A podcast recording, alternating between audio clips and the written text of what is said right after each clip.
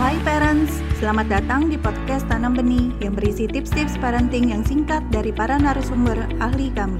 Untuk mendapatkan tips-tips terbaru kami, follow podcast Tanam Benih. Yuk kita dengarkan bersama. Apa sih yang harus diingat oleh orang tua? Poin penting apa yang harus orang tua ingat supaya dalam proses belajar memahami anak ini lebih sedikit terjadi kesalahpahaman? Supaya orang tua mampu memahami dengan lebih tepat. Saya tidak bisa katakan 100% pasti bisa paham ya. Tidak tapi minimal kita meminimalisir deh mengurangi kesempatan-kesempatan untuk salah paham. Apa sih yang harus diingat oleh orang tua? Yang pertama adalah perlu dipahami betul bahwa perilaku dan perkataan anak itu ibaratnya seperti gunung es Nah, kalau saya ibaratkan gunung es, berarti kalau gunung es itu kan uh, ini permukaan laut ya. Nah, gunung es ini hanya atas permukaannya saja yang kita lihat. Tapi di dalamnya ini jauh lebih besar dan lebih lebar dan lebih banyak begitu yang tidak terlihat ya dibandingkan dengan apa yang terlihat. Nah, perilaku anak, perilaku yang Anda lihat dan juga perkataan anak yang kita dengar ya itu hanya permukaan atasnya saja. Sedangkan kita sebagai orang tua, kalau kita mau memahami mereka, berarti kita harus memahami apa yang ada di bawah si gunung es ini.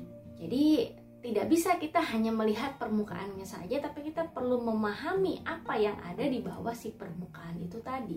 Nah, oleh karena adanya di bawah permukaan, maka untuk memahaminya tidak bisa orang tua langsung jarang sekali bisa langsung terpahami. Jadi untuk memahaminya karena dia ada di dalam maka kita perlu yang namanya waktu yang cukup untuk berpikir. Saya garis bawahi kata waktu di sini ya. Perlu waktu untuk berpikir itu artinya saat kita melihat perilaku anak, saat kita mendengar apa yang anak katakan, kita perlu ada yang namanya masa atau waktu ya untuk diam dan memproses selama beberapa saat. Jadi ada kita butuh jeda satu masa tertentu. Nah, berapa lamakah masanya ini? Berapa lamakah waktu yang diperlukannya ini? Nah, itu tergantung ya.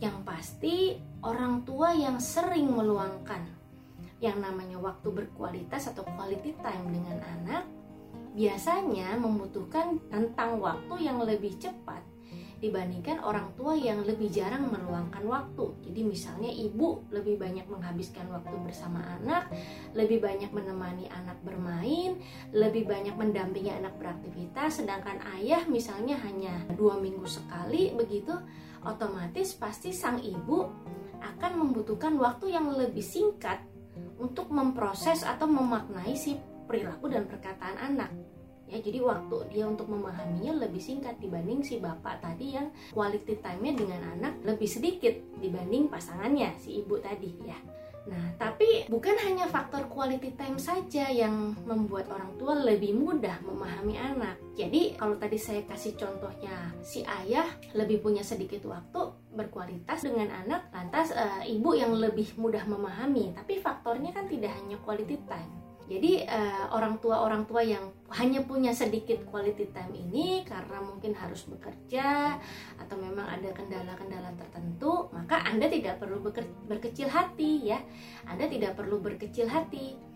Karena ada faktor lain juga yang menentukan lamanya atau waktu yang Anda butuhkan untuk memahami anak. Salah satunya yang lain selain quality time adalah faktor kemampuan berpikir logis jadi, faktor lain selain quality time yang juga akan membantu Anda lebih mudah dan cepat memahami anak adalah kemampuan Anda sebagai pribadi dalam berpikir lebih logis, berpikir yang logis, memakai logika. Jadi, kalau orang tua yang saat sehari-harinya ketika punya masalah, tidak hanya masalah pengasuhan gitu, masalah rumah tangga, masalah dalam relationship, masalah dalam uh, keluarga, masalah dalam pekerjaan begitu ya anda yang sehari-harinya ketika punya masalah itu bisa mencoba berpikir secara logis, tidak hanya mengandalkan emosi Anda saja, maka akan berpotensi lebih bisa dalam memahami anak dibandingkan orang-orang atau pasangan Anda yang kemampuan berpikir logisnya lebih kurang. Terima kasih telah mendengarkan podcast Tanam Benih. Jangan lupa follow podcast Tanam Benih. Tidak pernah ada kata terlambat loh untuk belajar.